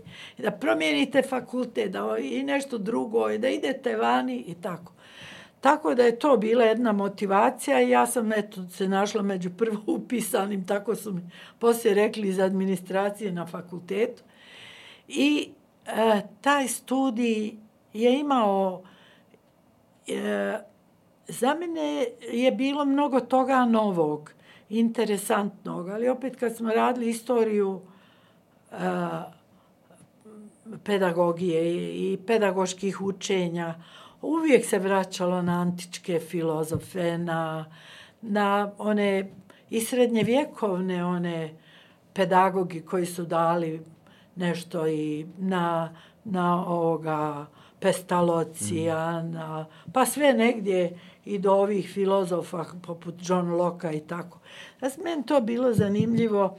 Zanimljive su bile i neke stvari, posebno kad smo opet na trećoj i četvrtoj godini pedagogija dva, pa porodična, ali nas je profesor Rakić učio uh, uloge.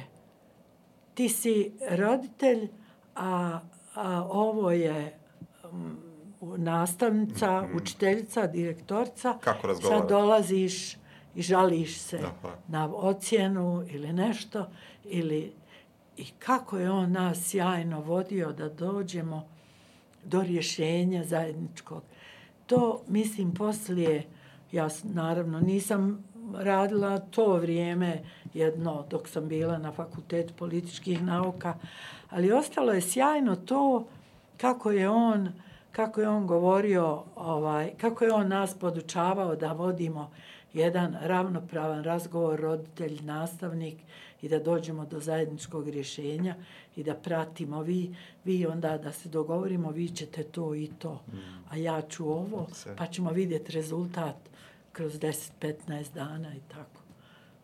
Da li i kako se to radi danas i da li se radi, to je jako teško. Ja, bez I... Ali vidite, mm -hmm. ja sam tu osnovala predmet komparativna pedagogija. Bila je pro, dolazila profesorca Darinka Mitrović iz Beograda. I ostala je jedna njena knjiga, jedan priručnik koji je ona objavila. Ja sam dalje nastavila i prva ja provela porodičnu ili obiteljsku pedagogiju. Insistiram na tom obitelj, -hmm. jer je ona odobitavati Aha. i mogu obitavati i krvnosrodnički Razumijem. roditelji dijete i ne, a, a u porodici su od porod. Mm -hmm. I to već limitira. Mada, mislim, ja sam to htjela da, da studenti imaju tu finu a, a, razliku, mm. da bi oni, da ne bi ni jedno dijete bilo, ne znamo, bespravljeno ili da ne bi se oni čudili ni jednom sada ni jednoj situaciji ako sutra imaju ako su isto spolni roditelji, evo što je došlo sada, dijete od jednog od tih roditelja. Ako, su, ako se majka preudala, pa dijete ima drugog oca. Ako je ovaj, razne neke kombinacije imali smo i prema nekim autorima. Pa Jalvin Toffler je u onom trećem talasu, to sam pronašla sad, poslije rata, govorio u Čikagu neke varijacije porodičnih tih kombinacija mm. i tako, odnosno obiteljski. I osnovao sam obiteljsku, onda je krenulo dalje posle ovoga inkluzije i e, multikulturalnost, interkulturalni odgoj i e, obrazovne politike i prava djeteta. I tako sve smo uvodili te neke, da kažem, manje jednosemestralne predmete koji su više imali za cilj osvješćenje u, u toj oblasti, nego da sad savlada neke konkretne činjenice i da pokaže neko, neko znanje i tako.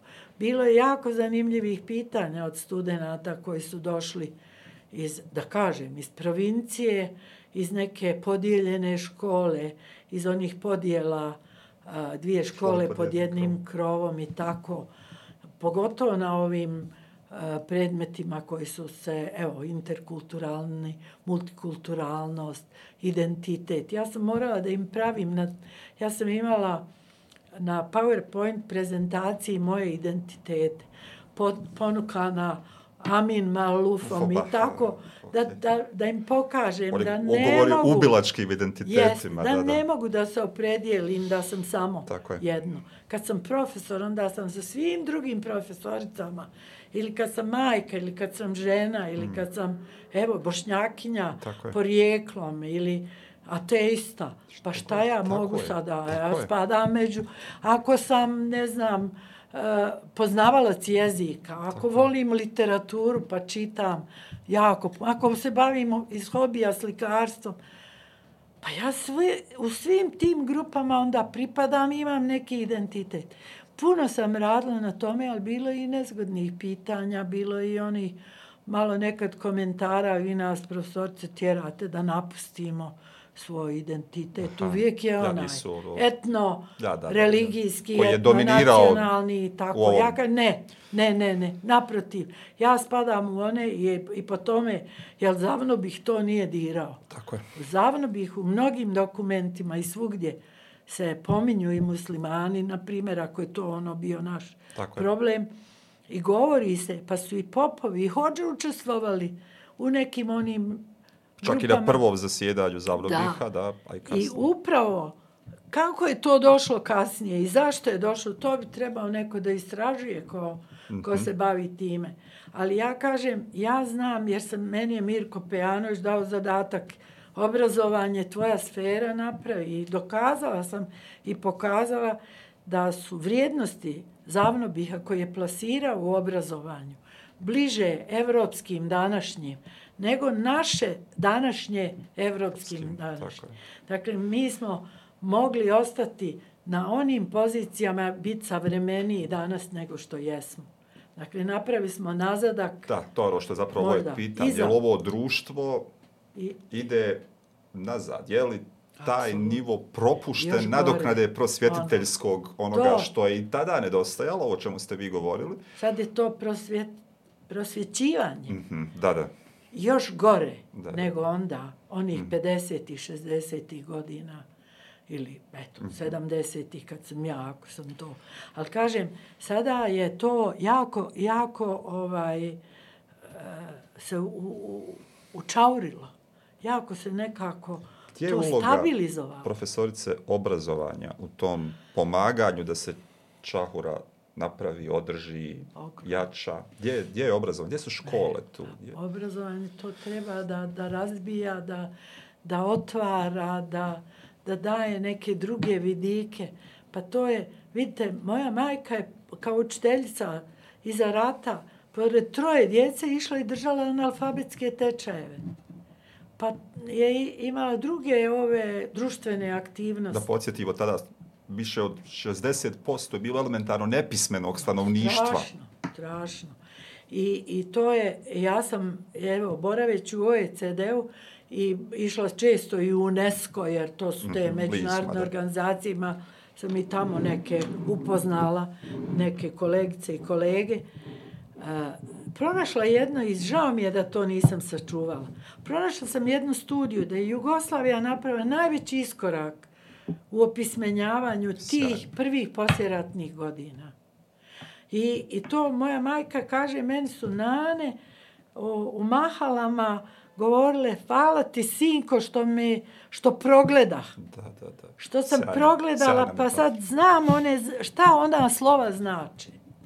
Sjajno. A to je, to je, ovaj, a vidite to imati, koju sada majku sa troje djece možete vi reći, hajde ti si pravnica, idi objašnjava ljudima koja su im prava.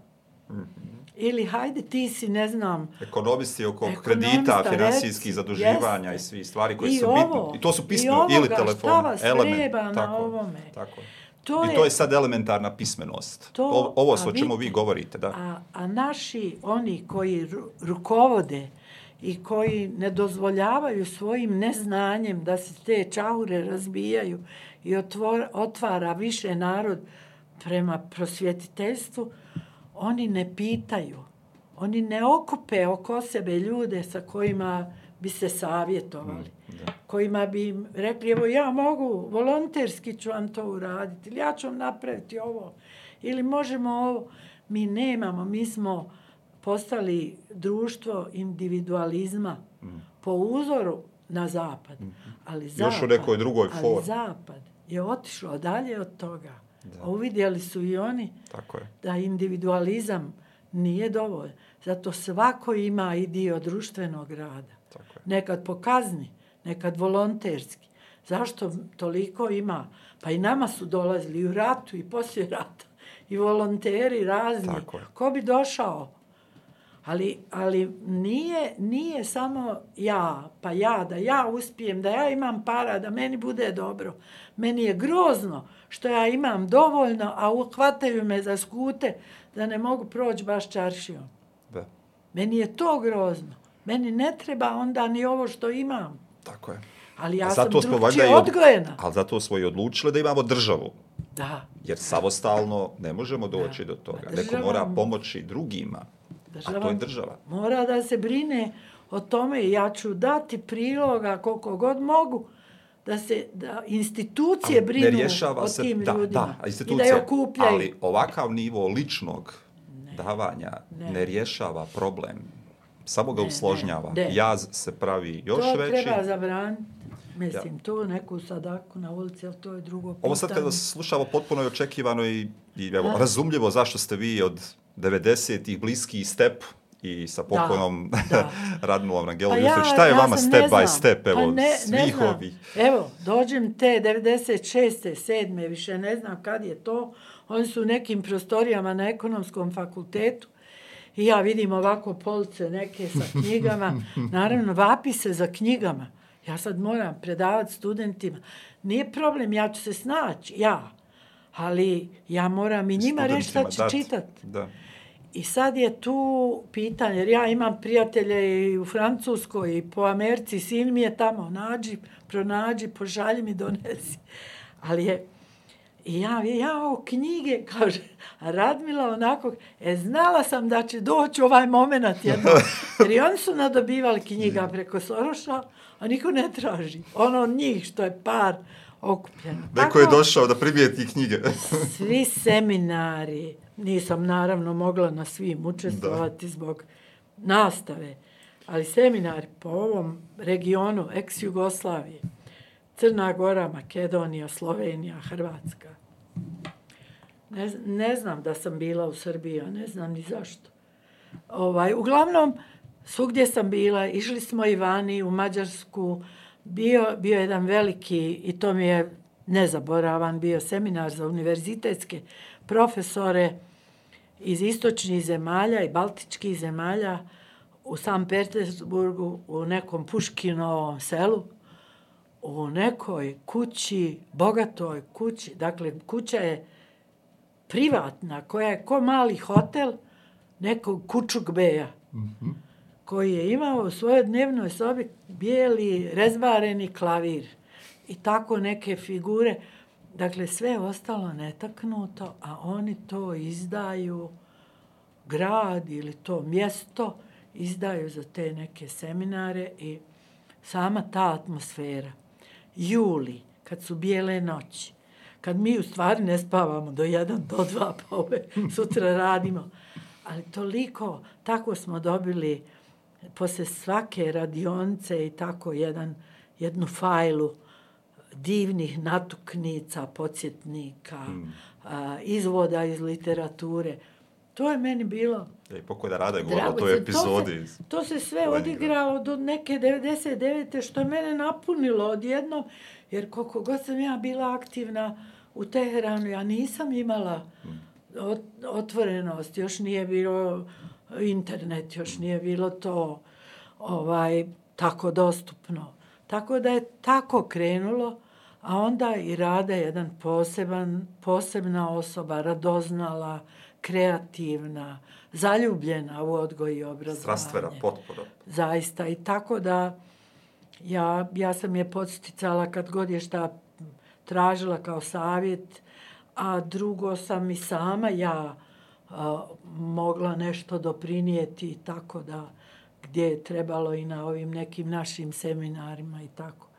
Da to je, to je meni bilo dragocijeno iskustvo. I dalje, 2007. zapravo četvrte dolazi profesor iz Italije, Giovanni Pampanini sa Sicilije, sa dvoje Britanaca i kaže na završavanju svjetskog kongresa komparativnih pedagoga na Kubi, ja sam ustao i rekao sljedeći kongres u Sarajevu, ako nisu naši političari i naše zemlje evropske učinile ništa za Bosnu i Sarajevo, idemo mi.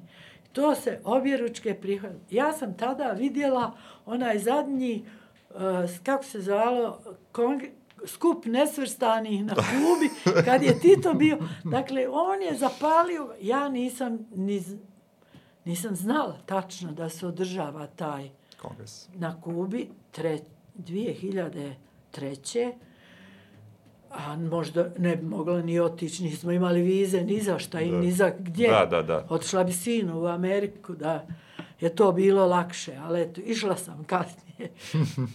Uglavnom, ja sam šokirana, ja sad ne znam odak, ne brini, da ćemo neka početna sredstva, mi imamo, ja sad idem, dogovaram, razgovaram, imam podršku, nemam podršku, ministrica Alić je na federalnom, naš ovaj, ajde, sa, sa književnosti jezika, Da, kantonalni. Kantonalni, A ma evo ga sad SDA. Ah, ništa, zaborava sam, nećemo sad. aha, dobro. Ovaj, ne naljut će se. ovaj, imamo a, Soroš isto, svi oni daju po nekih deset hiljada i mi opremimo ofis. Moramo imati ofis, moramo imati e-mail adresu, moramo imati računar, moramo imati dokumentaciju. 2007. pripremimo svjetski kongres komparativnih pedagoga iz 50 zemalja, 600 ljudi, i crni, i bijeli, i žuti, dođu u Sarajevo. Naša ova, gradonačelnica Semiha Borovac, Mhm. pomogne to.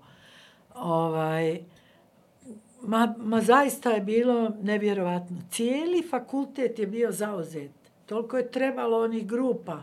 Koliko smo imali učionica, Toliko je bilo toliko je bilo tih posebnih seminara, da radionica, kažem, ja, radionica razgovora. hm. tematskih u stvari, a u Holiday Innu smo išli na te ovaj zajedničke sesije. Mhm. I čak su, iako sam ja to opominjala više puta, čak su utrli, utrli stazu da pređu ono, kad tramvaj stoji, jer nema pješačkog prelaza gdje nema pješačkog i sva sreća. preko one travnate površine. Nikome se ništa nije desilo. Niko se nije razbolio, niko nije mm. nastradao. Niko. Bila je jedna žena da se uzela novčanik u tramvaju, ali sa malo para je ponijela i uopšte išla je jevrejka jedna, odakle je ona bila, išla je u jevrejsku opštinu. Aha. Nije iz Izraela, ona je došla iz neke druge zemlje, ali sad ne mogu da se sjetim. Oni su išli u jevrejsku opštinu, saznali su da je to lako, sjedneš na tramvaj izađeš na drveni. I to, i tu je, ali to je zaista proteklo kao jedan san. I, i stvarno objavljivao, Springer je objavio nekoliko knjiga. Ovaj, Koji ja- su kao posljedica te konferencije. Više tih Okej. uglednih govornika i tako. Ja sam imala jedan rad ovaj, u jednom zborniku od 4-5 tih radova. I nisam imala ni vremena. Ma zaista meni je nekad žao da sam ja mogla puno više ostaviti napisanog iza sebe. Mm. Ali ja sam voljela i ovo. vi voljete- rad sa Druženje studentima, ljudima, sa ljudima, ljudima, razgovor. dogovaranje. Profesorice, zašto je naše obrazovanje ovako? Vi ste govorili, evo, kad uzmemo sad pojedine dijelove, vi ste objašnjavali pojedine stvari koje vode ka tome, ali zašto u ovom obrazovanju nedostaje strast koju vaša majka ima 45. i kasnijih godina da radi na tome? Zašto nema ono, više ljudi koji imaju strast, radimo da se bave, vašu strast da se bave tim stvarima? Evo, vi ste, vi ste zapravo i rekli da ste htjeli pisati lekcije iz BiH po uzoru Jest, na ovo kako ste jest. naučili Pasi Možda ću i Sachenberga napisati. iz lekcije iz Finske. Dakle, šta, š, možete li, evo, osim ovih stvari o kojima ste govorili, šta je uzrok da mi imamo ovakvo obrazovanje? Škole u kojima djeca ne žele, škole u koje že- djeca ne žele da idu, škole u koje nastavnici ne žele da idu, u kojem smo stalno u nekom procesu reforme, ne znamo ni gdje idemo, ni zašto. Zašto je ovako? Vidite, ja, ja ću reći prvo, naš rat Evropa i svijet nisu razumjeli. Okay. Oni nisu razumjeli. Kad kaže to međuetnički sukob ili međureligijski i tako, to je, to je jedno prikraćivanje toga, a ovaj, e, nisu razumjeli ni kasnije ovaj postratni period. Pa i Ustav je na pogrešnim osnovama napravljen. Mi nismo, mi nismo ljudi koji su živjeli tradicionalno na ovom terenu, ljudi koji se mrze. To ima puno dokaza, pa evo ja ću reći ako nije od čega od tog antičkog perioda, pa srednjevjekovno koji je istraživao naš Dubravko Lovrenović i Jest. drugi, Tako ini, je. pa i osmanski period koji je jako bio tolerantan prema našim ovim drugim vjerama u Bosni i Hercegovini i tako dalje. Mi nismo ljudi koji se ne volimo i koji se mrzimo. Ali je napravljeno to tako da sada i dalo krila ovima koji su i započeli rat zbog svojih veliko inih pretenzija da se podijelimo i da se podijeli školstvo. I zato škole ne funkcioniraju dobro. Vidite, ja to nisam vidjela, iako sam prošla par puta kroz stolac i boravila kratko na nekoj kafi.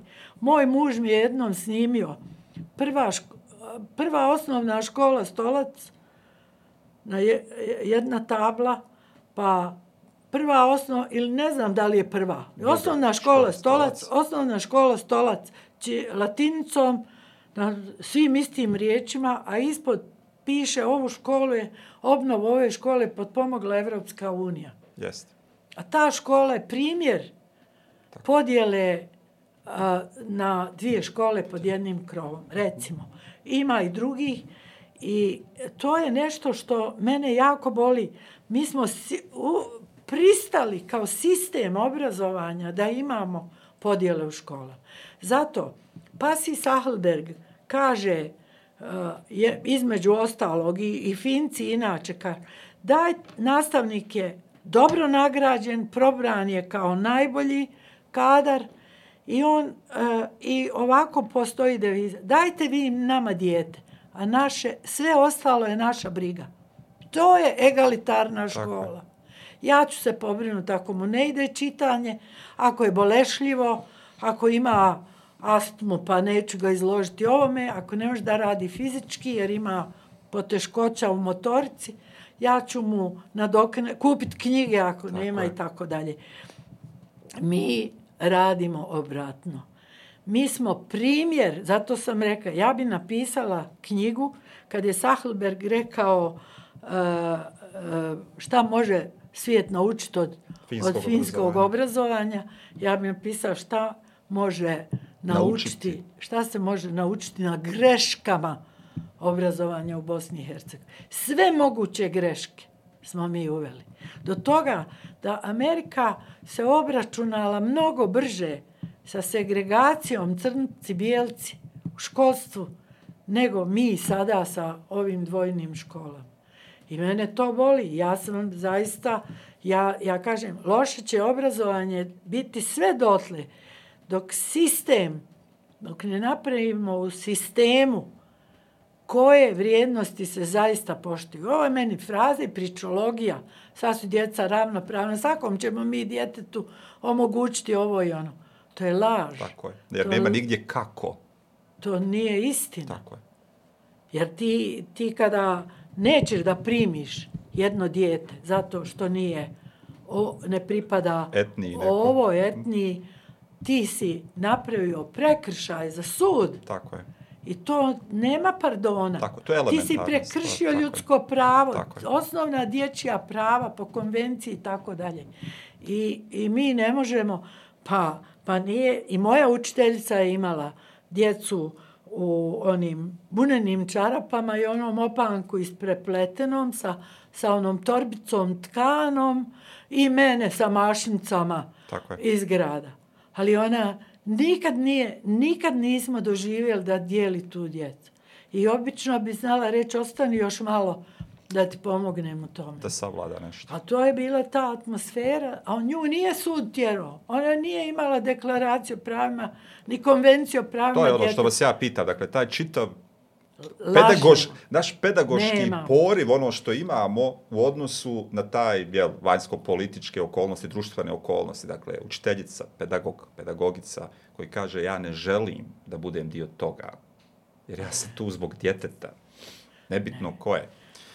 Vidite, ja, ja sam, da vam kažem, dolazili su kod mene i neke, čitajući radove, dolazile su neke magistrice, doktorantice iz, iz Njemačke, iz Francuske, iz ovih nekih evropskih zemalja, dobiju ono mogućnost da borave negdje drugo i tako, da razgovaramo. Ali, ali ja sam, sjećam se, jedna e, e, mi je ispričala iz Švicarske, iz onog francuskog dijela, da su u Ženevi u školi dobili jednu malu crnkinju iz onih tamo afričkih nekih ratnih zemalja i da je nju uvrijedio jedan dječak. Ali kaže, ja se sjećam kako je moj učitelj, kako je naš učitelj reagirao. I kako je on posvetio ostatak časa priči o tome. To je zauvijek ostalo kod nas i zauvijek nas izliječilo. Ona tvrdi, ona vjerovatno nju da, ali... Bavio se onim što se dogodilo da, u učionici. Da, da. Da. Kao i ono, ona Roza Parker ili kako se zvala u Americi koja je sjela Jeste, na bijelačko autom, jeste. sjedište u autobusu Tako je. i tako. To su, to su za mene, nije i, i stvarno, djeca sada, što se tiče znanja, imaju og, mnogo više izvora informisanja i je znanja. to škola što im može dati kao što je nekad. Odgoj, Tako. kako e, se formirati kao ličnost i kako se odnositi prema tim informacijama. Jer ima ono što kaže Lisman, teorija Mhm. neznanja ili ova teorija neobrazovanosti, a ovaj e, Thompson kaže e, ah, sad se, za, ovaj, Ma ne, to, to zaista ljudi pišu puno o tome kako da se odnosimo prema obilju informacija.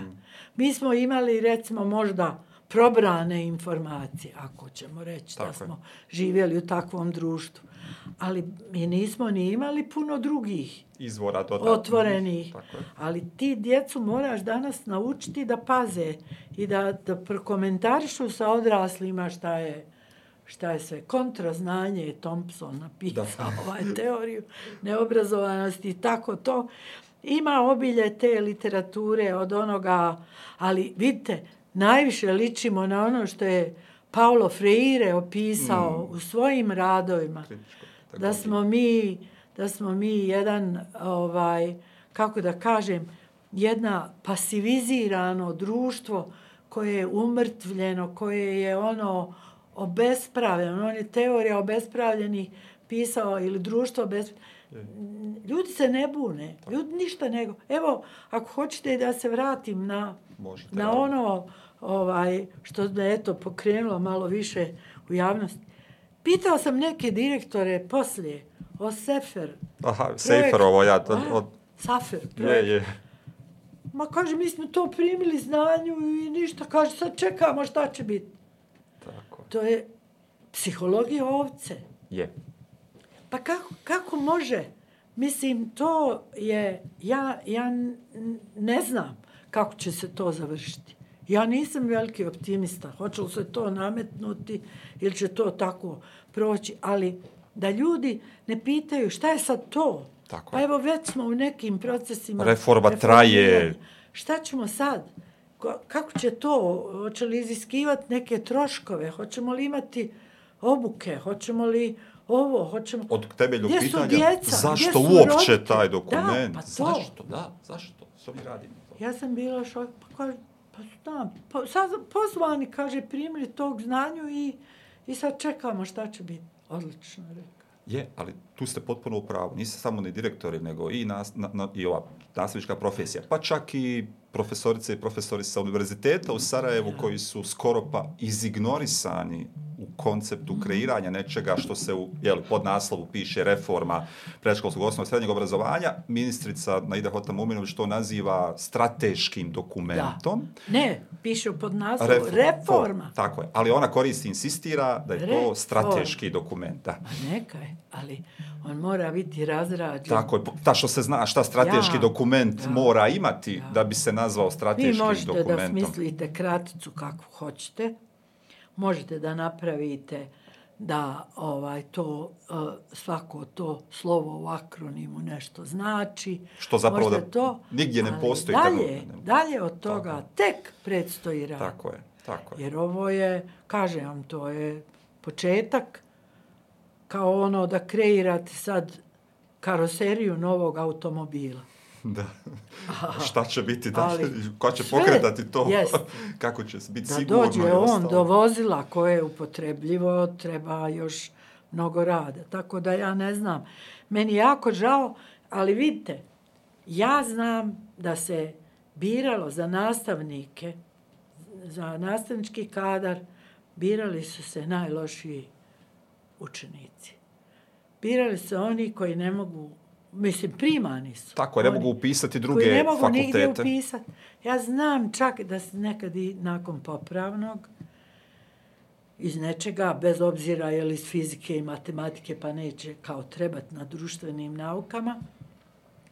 I mi smo jedno vrijeme, a dosta dugo je to, iako je deset godina, birali najlošije za nastavnički kadar. A sjećam se, radimo, prilagođavamo naše planove i programe po Bolonji na fakultetu. Ja sam u ulozi tada bila šefa ocijeka i radim sa drugim šefovima ocijeka i jedan šef ocijeka evo, reći ću sa jezika, pa sad nije važno, svi, će, svi bi išli u književnost, u književne kritičare ili tako, a ovaj, kad smo pokušali da napravimo neke važne predmete ovaj, za nastavnički smjer, jedan profesor ka- pa onda će svi najbolji otići u nastavnike. Bravo, rekao. Bravo, rekao, Poenta je, profesore. poenta je To da ste vi rekli. Pa upravo. A on misli, tamo mogu i oni lošiji, ali ovdje mi treba...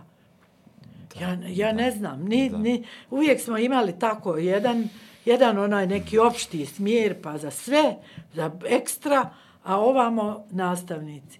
I, I to je naš odnos. Ja vam kažem, Akademija nauka, e, ja pokušavam, e, ljudi, moji akademici, moje kolege, da kažem, eto, koji, s kojima sam zajedno pod istim krovom, barem povremeno na nekim našim zajedničkim aktivnostima, podržavaju, jako cijene obrazovanje i znaju da su i oni postali to što jesu zahvaljujući dobrim nastavnicima, dobrim uvjetima školovanja koje su imali. Bilo kod nas, bilo negdje vani. I to je u, je u redu. Ali prema vani, gdje god pomenete da vam treba za neku aktivnost koja bi unaprijedila obrazovanje i to, to je čutanje, neće vas odbiti, neće ništa reći, ali, ali teško prolazi. Mi smo prvi kad je korona, kad su zatvoreni i učenici i mi stari i tako, moji su članovi akad, odbora za pedagoške mm -hmm. nauke. Pazite, svaki akademik ima svoj odbor. Dakle, ima odbor za sociološke nauke, za političke nauke, za ekonomske, za pravne. To govorimo o mom odjelenju društvenih nauka. Imaju i drugi, medicinari imaju čak podijeljeno po specijalnostima. Mm -hmm. Tako da akademija okuplja 400-500 eksperata, stručnjaka. To ne mogu ljudi biti bez doktorata, barem. Da. I mi imamo jednu, jednu snagu pameti i mudrosti koja ovo društvo ne koristi apsolutno. Mi ne postojimo. I sad, moji su članovi odbora za pedagoške nauke odma rekli, ajmo da napišemo nešto, da pošaljemo preko medija svu, svima, da smo spremni da pomognemo Divno. kako će se sada obrazovanje organizirati u uvjetima ovaj, pandemije koje iskad djeca ne mogu do škole i nastavnici. Da. Ma ni, niko, nam, niko nam se nije ni javio. Kad smo napravili projekat da konkurišemo za sredstva, odbijeni smo. Da, a to sad posebno da Akademija nauka i umjetnosti neke države ovisi o tome hoće li se prijaviti na neka sredstva. Pa, pa, mislim, to je... To mogu biti dodatne stvari, ali da u smislu da misle o svojoj egzistenciji i poslovima mi, kojima se bave... Nas ovo društvo neće da nam da zvanično da smo mi državna institucija. Da dobijemo onaj ID državne institucije. Kao što ne da, evo sad ni televiziji. Tako. Kao što ne, nema ni muzej, muzej zemaljski muzej i tako da. umjetnička galerija. A da bismo, kad bismo mi to imali, mi ne bi koštali ovu državu, nego bi joj doprinosili. Tako je. Jer bi mi aplicirali za projekte vani iz ovoga, iz science, iz STEM, ovo sad što je popularno, jel? Da iz medicinskih da, projekata koje povezuju Evropu, jer je to jedno tlo koje ima manje više srodne bolesti Tako. i probleme uh, i zbog ekoloških uvjeta. Mi bismo mogli za obrazovanje dobiti jako puno dobrih Sredstava i sve to, da. ali mi, nama su svezane ruke. Mi ne možemo ništa. I to vam je, vidite, nema predsjednika koji nije to govorio, isticao javno i svugdje, koji nije učestvovao u Ministarstvu civilnih poslova, u ovom, kako se zove, vijeću ministara. To je jedan, jedan glas protiv, a obično se zna odakle, pa ne prolazi. I I, I to je, vidite, vi ništa ne, ne biste oštetili državu, a samo biste joj mogli doprinijeti. Pojačati, naravno. Ali to ne ide i, evo, ne znam, ne znam kako. Ne ide nam to. Jel, evo, samo za kraj, posljednje pitanje. Teško. Postoji li način da mi popravimo obrazovanje u BiH? Odnosno, evo, vi ste govorili o nekim stvarima koje su preduje da bi se desili. Jedno je ovo da pokušamo taj ustavnu podjelu ili nadležnosti obrazovanja ili generalno postoji li negdje gdje možemo krenuti i evo, ne znam, ja bi to koristio opet metaforu zapaliti iskru nečega onoga što je bilo 45. negdje da krenemo. E. Ja, ja vjerujem, ja mislim da Sarajevo to može. Da prvo Sarajevo to može. Ja neću ispasti idealista, ni, ni neko ko fantazira mi imamo stalni pad učen, broja učenika, imamo višak nastavnika, imamo prostora. Što se mene tiče, ja bi uvela, počela uvoditi postepeno gdje god može cijelo dnevnu, dnevnu školu. Okay. Kad sam ja počela studirati pedagogiju, ja sam vjerovala dok ja diplomiram uvešće se cijelodnevna, cijelodnevna škola. škola. Ma nama je to bio kuluk što idemo jednom do podne, jednom popodne. Majka nam je tako radila, jednom do podne, jednom popodne. Jedino otac na fakultetu imao nastavu uvijek u isto vrijeme, da. kako to spada jel, na univerzitet. I sad, ja, ja bi uvela to. Ja bi višak nastavnika educirala da budu ovi koji u onom neproduženom boravku nego u onom vremenu izvan redovne nastave. nastave koje je u blokovima, sa pauzama. Sa, jeste. rade se, da imaju djeca obrok. Sve to mi možemo. Nismo toliko siromašni da imaju obrok, da imaju slobodne aktivnosti. Pa dobro, neće imati muziku, ali mogu imati likovno, mogu imati ove instrumente pokretne. Mogu čitati. Mogu čitati, divno. Mogu sve obavljati. Roditelj sretan odvede dijete prije posla u školu i pokupi ga poslije. Nema priučenih pomoćnica, I pomoćnika. puno je nema... veći prostor za dostizanje ove jednakosti Jest. u šansama. Jest. Ja, ja zaista, ja bi sve, da se nađem u poziciji nekoga, ja sam to i prije propagirala, ja sam to i prije govorila, a ja sam pisala to, ja ne znam na koji način čovjek može da uđe u sistem.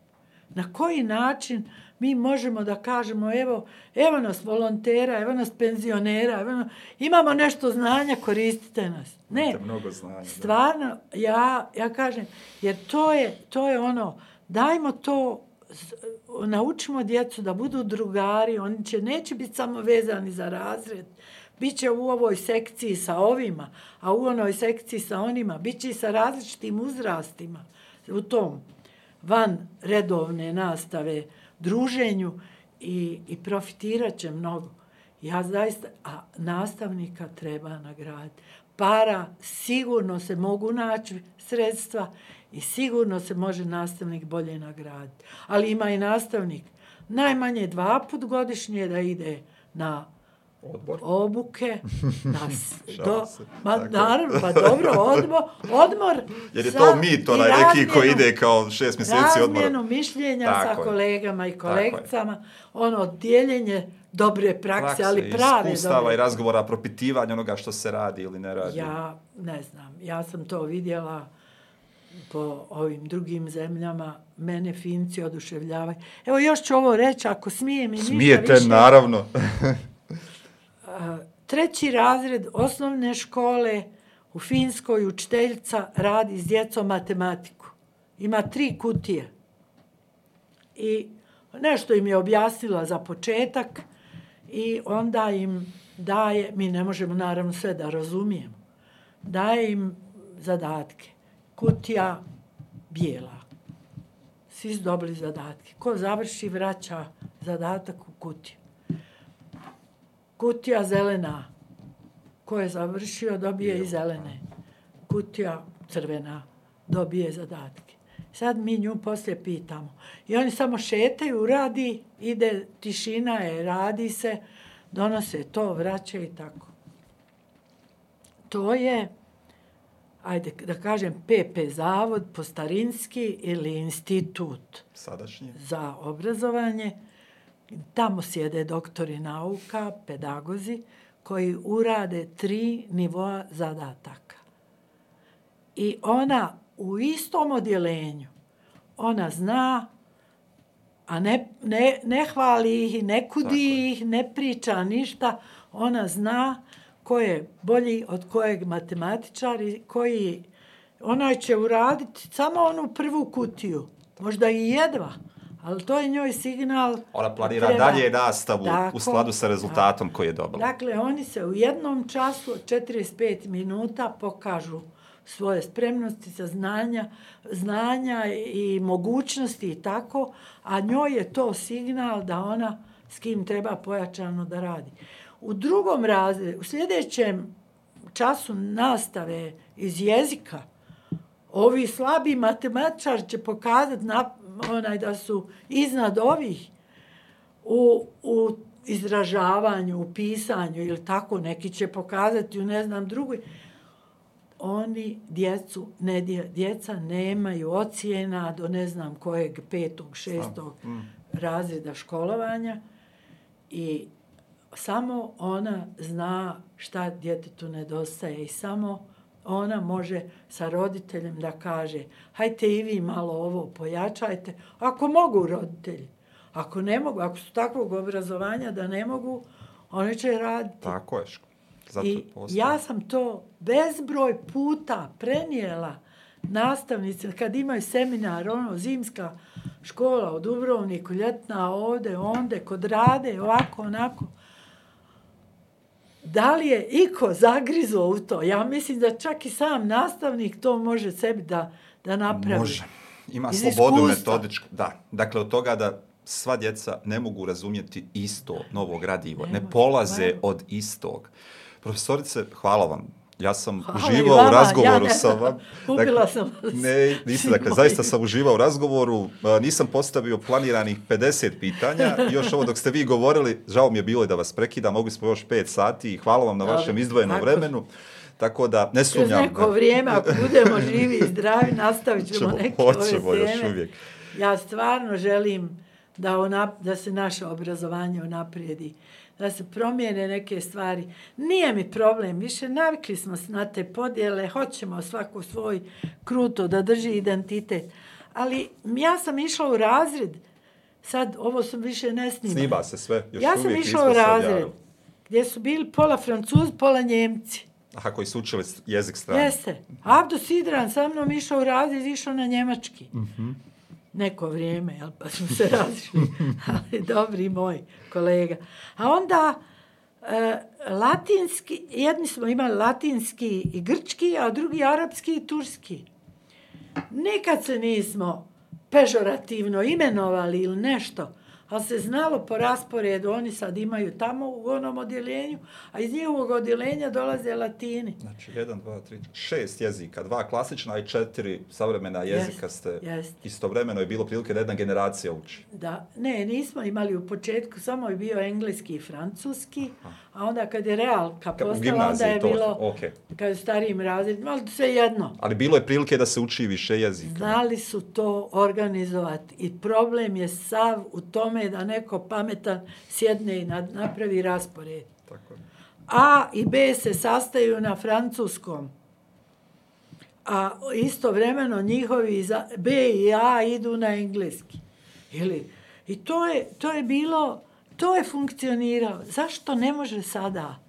Idu bošnjaci i Hrvati zajedno u razred i znaju se da su drugovi drugarci iz istog odjelenja, a idu pojačano na svoj jezik i literaturu i ne znam, još nešto iz, iz o, kulture što je dodatno. O, m, ne dozvoljavam da nam je istorija drugačija. pa kako. To Nije ni- nikako. I jezik je upitan.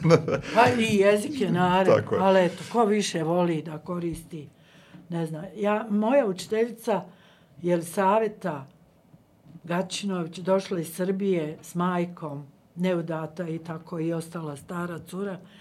Tražila je da nekad napišem kuća, a nekad dom. Tražila je da miješam izraze, Da, što bi rekli, i ostalo. istočne i Mm, zapadne varijante radi bogatstva i da mi se Tako ne je, ponavlja tako nešto je. u rečenici. Zato jer nije bilo važno da se Ja sam- prepoznajete po izgovoru ja sam- kome pripadate, Ja. nego da budete Da. bogati. Ja sam za današnje pravopis nepismena.